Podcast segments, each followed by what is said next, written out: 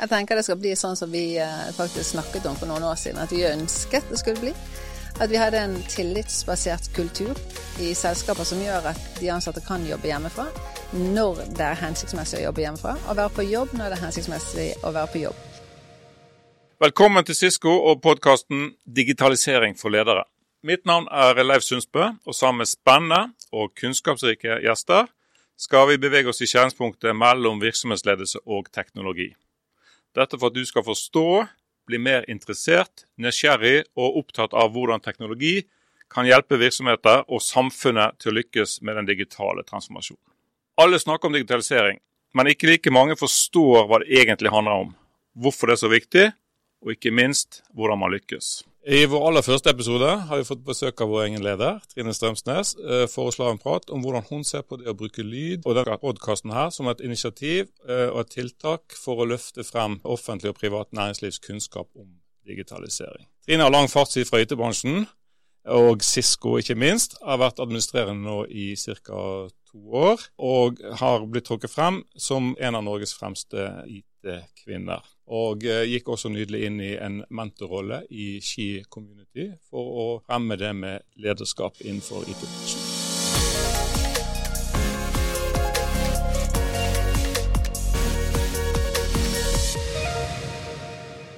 Velkommen, Trine.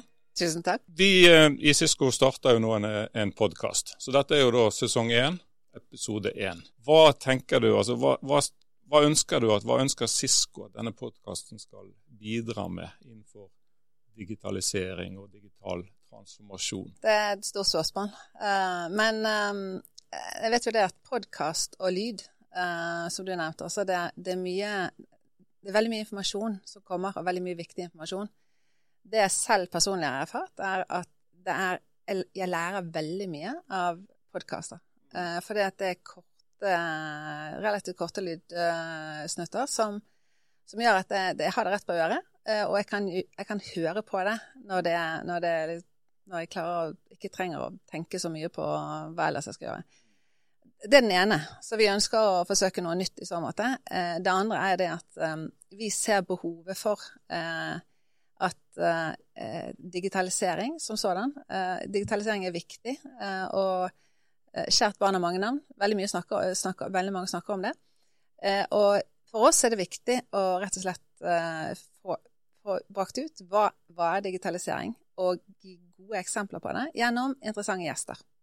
Og jeg håper at vi kommer til å ha mange interessante gjester her, som kan gi eksempler på, på når, har, når de har gjort gode digitaliserings... Eh, altså både dele kompetanse, dele gode, god praksis. Og kanskje også dårlig praksis. Ja, som du sa, kjært barn har mange navn. Hva, hva legger du i, i, ordet digitalisering? Da? Begrepet digitalisering, det er jo et uh, vidt, uh, vidt, begrep. Ja, altså, hvis, du slår, hvis, du slår, opp uh, og ser hva det digitalisering betyr, eller hva noen tror digitalisering betyr, så får du veldig mange ulike Eller du får mange, du får mange like svar. Se på hvilke prosesser, se på hva du har i selskapet ditt som kan effektiviseres og automatiseres ved hjelp av teknologi. Og teknologien er ikke lenger en, en sidestilt prosess. Eh, det er ikke noe som du ser på som et IT-verktøy, IT men det er del av, eh, av, av, selskapet, og det er del av selskapets DNA. Eh, og et eksempel på det kan være en bilforhandler som du tradisjonelt har gått inn til en bilforhandler. Du har, du har, snakket med en selger, og så har du gjort et valg på en bil, og så har selskapet da, eller bilforhandleren bestilt det. Men det du gjør, er at du tar, du tar teknologien og gjør det til en mye bedre opplevelse for kunden, forhandleren, og de som leverer til forhandleren, ved å digitalisere det, rett og slett for å bruke det beste av teknologi til å få en mer søm... Kall det sømfri, hva det heter. heter? Seamless, sømløs, sømløs. Um, prosess. Sånn at som meg som kunde, så kan jeg gjøre valget mitt på nett. Jeg kan gjøre det hjemmefra. Uh, for forhandleren så betyr det at jeg bruker mindre mennesker i uh, Eller ikke bruker mindre mennesker, men de menneskene som jobber hos bilforhandleren, de har rett og slett mulighet til å gjøre noe annet som er mer, kanskje mer nyttig. Og så har du en leveranseskjede helt inn til de som skal levere deler og du eliminerer feil, du automatiserer. Eh, så, men da, da, har du gjort noen bevisste valg som gjør at digitalisering blir bra både for kunden, for selskapet og de som jobber der. Mer fornøyde kunder. Mer fornøyde kunder, mm. ja. Og mer effektiv eh, for, for, virksomheten. Forhåpentligvis. Ja, Og, og det gjøres jo i alle bransjer, Ja. Eh, og det er det vi ser nå. Jeg så til og med at det skulle komme digitale bilskilt nå. så jeg vet ikke om det Oi sann. er digitalisering i seg sjøl, men det var jo ganske kult, faktisk. Du kunne legge inn meldinger på bilskiltet sjøl. Så får du sikkert en app, så du kan endre det sjøl. Vet ikke. Det er interessant. Ja, det er spennende. Det var jo et opprør forrige gang vi endret bilskiltene. Så. Men eh, det å digitalisere virksomheten, altså, er det et mål i seg sjøl, eller er det som du sier, i forhold til mer fornøyde kunder og kunde- kundetilfredshet? Ja, eh, og det har vært mye debatter rundt det faktisk i det siste. Så Målet er jo, er jo at teknologien skal faktisk bidra til eh, at virksomhetene når sine mål bedre. Og de er mer fornøyde kunder. Og ikke minst mer fornøyde ansatte. Eh, så, så det må gjøres med omtanke. Det vil si at det må gjøres med en god strategisk plan bak. Og, og vi har jo sett faktisk mange rare eksempler på sånn halvdigitalisering nå. Eh, Og det, det, det er egentlig mer moro, eh, sånn sett. Du har, sånn klikk, du har klikk og hent. Hvis ikke du har en webside nå, da har du likevel klikk og hent. Men da ringer du til butikken, og du står utenfor butikken, så har du klikk og hent. Da har du klikk og hent. så, men, Ja, det funker jo det. ja, det er kanskje ikke digitalisering. Ikke helt fullt digitalisering. Nei, nei. Men, men hvordan, hvis du fra ditt ståsted, hvordan, du, hvor langt har vi kommet med digitaliseringen i Norge da? Jeg si at Norge, hvis jeg ser og, ser og hører på det som jeg ser hos mine kolleger i andre land, så har vi kommet veldig langt. Eh, I Norge så er vi veldig flinke til å ta i bruk teknologi. Eh, Noen ganger litt for flink eh, og ta det litt for raskt, men, men jeg ser altså, Jeg har jo i mange sammenhenger trukket frem skatt, altså skatteetaten, og det de har gjort. Veldig få eh, som vi ser som, er, eh, som har oppnådd det samme i andre land. Og skatteetaten er et utrolig godt eksempel på vellykket digitalisering. Å få alle prosesser digitalisert. Så, så jeg vil si at vi er kommet veldig langt. eh, Og, og ikke bare fordi vi er flinke med teknologi, men jeg vil si at vi faktisk har litt tanker bak det. Så, eh, men nå har vel virkelig siste året har vi blitt satt uh, på prøve, for å si det sånn. Så um, vi ser i mange, mye større grad uh, at de som ikke har en plan om digitalisering nå, de føler seg uh, sittende langt bak i vognen. Men, men de som ikke har en plan om det, hva skyldes det? Har du noen tanker om det? Jeg har jo tanker om det. Jeg jeg tror at det, det, det er lett å gå seg vill i Mm. den jungelen som er hvis du eksempelvis går og ser på, du søker på digitalisering. da. Eh, Så hvem skal kunne hjelpe meg? For du får jo opp en liste med 100 selskaper som kunne hjelpe deg. Så hvordan skal du da faktisk kunne ta eh, et godt valg? Så det er å få hjelp eh, og ha, ha dyktige mennesker og, og, og si, rådgi deg, er kanskje det viktigste. Og så er det det faktisk å inneha litt kompetanse. Og som leder eksempelvis, å inneha kompetanse om hva digitalisering innebærer. Og, og tross alt så er det jo din egen, ditt eget selskap som du skal digitalisere. Så, du, så du, det er bedre å forstå hva det innebærer. Hva gjør Cisco da for å digitalisere seg sjøl? Veldig mye. Så vi har gjort det veldig lenge. Så vi har gjort eh, det mot alle våre leverandører. Eh, Vi har gjort det ut mot alle våre kunder, og vi gjør det hele tiden. Digitalisering er ikke en prosess som du blir ferdig med. Men vi ser hele tiden på hvordan teknologien kan hjelpe oss. eh, Og eh, ikke, der du har en manuell prosess, så skal du kunne automatisere den. Veldig bra. Da er vi straks tilbake.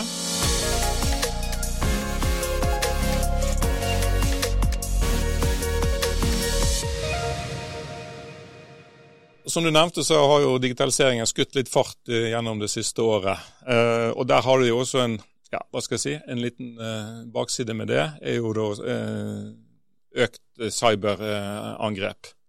Eh, alt blir koblet til internett, vi blir mer sårbare, og sikkerheten henger ikke med i den eh, si, raskere digitaliseringen som pågår. da. Så, så hva, kan vi, hva kan ledere gjøre med det for å øke den sikkerheten samtidig som digitaliseringen går raskere og raskere? Forstå at du er sårbar, først og fremst. Um, forstå litt bedre av hva dette betyr. Eh, og, og, fremstår fremstå som et godt eksempel for både ledergruppe og eget selskap på at eh, du må være bevisst. Altså bevisstgjøring er utrolig viktig. Eh, å, en, å bygge en sikkerhetskultur. Fordi det, det, ikke, det handler ikke bare om ett lite tidspunkt hvor du eh, kanskje har blitt eh, hacket. Eh, jeg tror det er du som sa det selv, Leif, at eh, det handler, om de som har blitt hacket. Eh, og så handler det om de som ikke vet at de har blitt hacket. Så, så det er ikke snakk om om du kan bli det. Så, så derfor så må du du må kunne mer, du må ha en kompetanse, og så må du bygge den sikkerhetskulturen. Um, og så må må du, også, vil jeg si, søke råd. Det fins uh, veldig mange som, som, kan mye om dette. Uh, NSM har noen uh, gode grunnprinsipper. Stemmer det. Og, og, og det, det, er kanskje det beste stedet å begynne. Ja, det er jeg enig med. NSM grunnprinsippene 2.0 er et godt sted å begynne. Det er jeg helt enig med. Og det, der burde alle begynne, stor eller liten. Eh, så er det jo samtidig interessant, og jeg leste i, i Finansavisen eh, i en undersøkelse som PwC har gjort, så, så er, ser ledere på cybersikkerhet som den største trusselen. Samtidig så er kun 53% av styremedlem som anser cyberangrep som en trussel mot virksomhetens fremtidige vekst. Så vi har jo et stykke å gå ennå, da. Vi har litt å tusle med eh, fremover også. Så det handler om hvordan kan vi da få ledere til å bli mer bevisst, for det er et lederansvar. Det kan vi vel være enige om. Det er absolutt et lederansvar. Og igjen, eh, lederen bør gå, frem, gå foran med et veldig godt eksempel på å inneha kompetanse, og også, mm. igjen bevisstgjøre eh, de som jobber der. Hvis ikke så har du et problem. Ja, og det, det slår vel altså NSM fast i også i sin eh, Risiko 2021-rapport at eh, de lederne som er bevisst dette, der er det også sikkerhetskulturen et mye mer, eh, altså mye mer på plass i virksomheten. Så heve kompetansen. Heve kompetansen i selv og ledergruppen eh, forstå det, eh, og forstå faktisk hva det innebærer. Nå har vi jo vært hjemme i litt over et år. Eh, og Forhåpentligvis så er vi jo på vei tilbake. Men, men videomøter har jo tatt veldig mye over. Og det skrives jo veldig mye om virksomheter som nå skal la folk jobbe så, ja, fra hvor de vil, når de vil osv. Hva, hva, hva tenker du? Altså, Cisco er er jo, store på video. Vi produserer jo og utvikler videoløsninger her på Lysaker. Hva tenker du om, om fremtidens arbeidsplass nå når vi åpner opp igjen samfunnet? Jeg tenker det skal bli sånn som vi eh, faktisk snakket om for noen år siden, at vi ønsket det skulle bli. At vi hadde en tillitsbasert kultur i selskaper som gjør at de ansatte kan jobbe hjemmefra når det er hensiktsmessig å jobbe hjemmefra, og være på jobb når det er hensiktsmessig å være på jobb. For har jo, teknologien har jo eksistert i mange år. Det er ikke det som er problemet, eh, men vi har faktisk ikke praktisert det i bruk, eller blitt tvunget til å praktisere det. Så, så nå når vi blitt tvunget til det, så ser vi faktisk eh, godene ved det, eh, og selvfølgelig også ser vi det som vi må utbedre. Og jeg tror, eh, og ikke bare tror, jeg ser at det er veldig mange undersøkelser som er gjort, eh, at flere kommer til å være hjemme. Og opp til hva var det siste undersøkelsen jeg leste, eh, er at opptil 83% av spurte i Abelias undersøkelse vil ønske å bruke hjemmekontor deler av tiden. Og jeg har sett også at det er effektivt å bruke det. Jeg tror også på egen, i egen virksomhet så, så vil vi kontor, vi dra til kontoret når vi har noe å gjøre på kontoret. Når vi syns det er bra å jobbe hjemme, så jobber vi hjemme. Det vil si vi har noe å fokusere på. Og så tror jeg det at uh, vi må tilrettelegge både hjemmet, og så må vi tilrettelegge kontoret. For vi kommer til å bruke det på en annen måte. Og så sist, men ikke minst, i og med at vi er hvor vi er, og jeg jobber i det selskapet, altså video må være et reelt alternativ. Og vi sier at video må være bedre enn et fysisk møte. Det må gi noe mer det, det, det, blir jo ikke bedre. Altså, det, det, er jo best å møtes ansikt til ansikt, men det må gi noe mye mer. Og det gjør eh, de løsningene som vi bl.a. Eh, utvikler i dag. Støydemping får du f.eks. ikke i et møte. Du klarer ikke å dempe, dempe støyen i et møte. Eh, tolk eller eh, oversettelse. Eh, det å ta notater og faktisk kunne søke på det etterpå. Det er ting som gjør at møte, et videomøte kan være mye bedre enn et uh, fysisk møte, tenker jeg. Vi er jo vant til å jobbe på video og har vært vant til det lenger. og kaller inn alle våre, ja, I alle våre møter så er vi jo også på video. Da. Så, Som en undersøkelse viser det at det er vel hva var det, 98% av alle møter så vil det være en digital deltaker. Eller altså en, en deltaker på video. Så det er jo ekstremt viktig at det blir, eh, på, kommer på plass. da.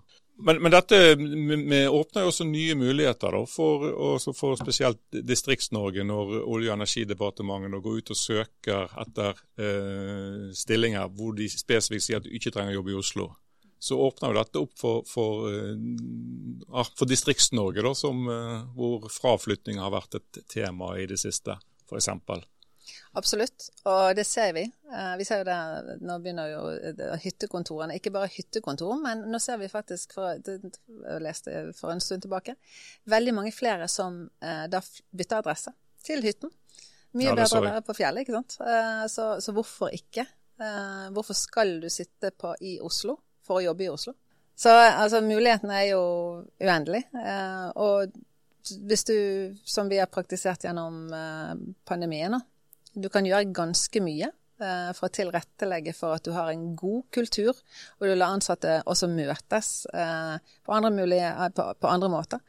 Og du trenger ikke være på kontoret. Men, men, jeg tror egentlig det at vi vil ønske å møtes på en eller annen måte. Men det er ikke dermed sagt at du skal på et kontor. Det kan godt være at du møter kollegaer i nabolaget. Så bare tenk på den effekten dette har på miljøet også, så du slipper å reise.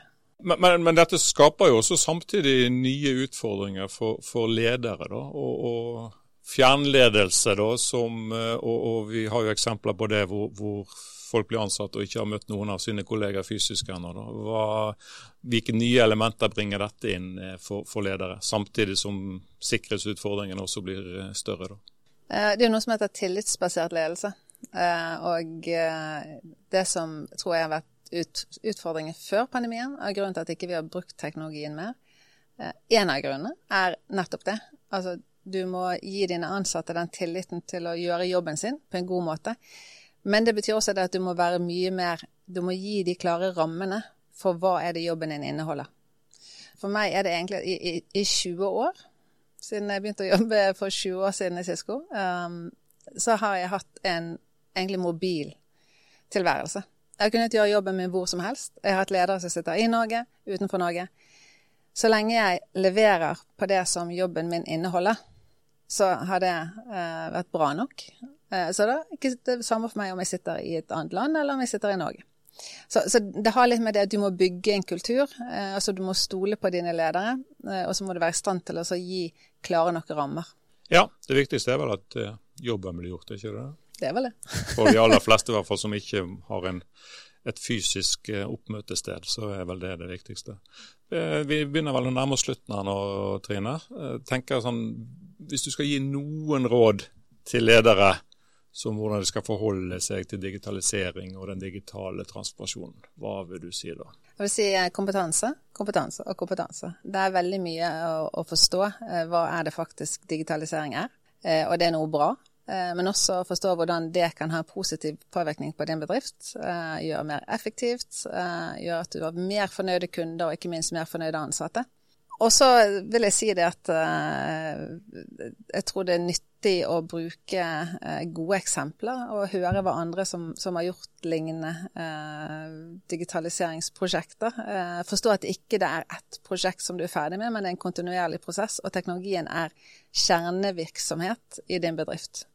Så vil jeg kanskje oppfordre også til å høre på denne podkasten innimellom. For jeg håper at vi, har, eh, vi, klarer å få mange gode gjester som kan dele litt av, eh, av det de har opplevd, og det de eh, har av kunnskap og kompetanse. Det er absolutt ambisjonen vår med denne podkasten at vi skal ha spennende gjester som kan si, utvide begrepet digitalisering, og forhåpentligvis komme med noen, noen gode råd også. Med det, tusen takk til eh, deg, Trine, og tusen takk eh, til deg som har eh, lyttet på oss. Denne episoden ble spilt inn 19.4, og ambisjonen vår er at vi skal komme ut med nye episoder annenhver uke. Så da er vi tilbake igjen om to uker med en ny episode av Digitalisering for ledere.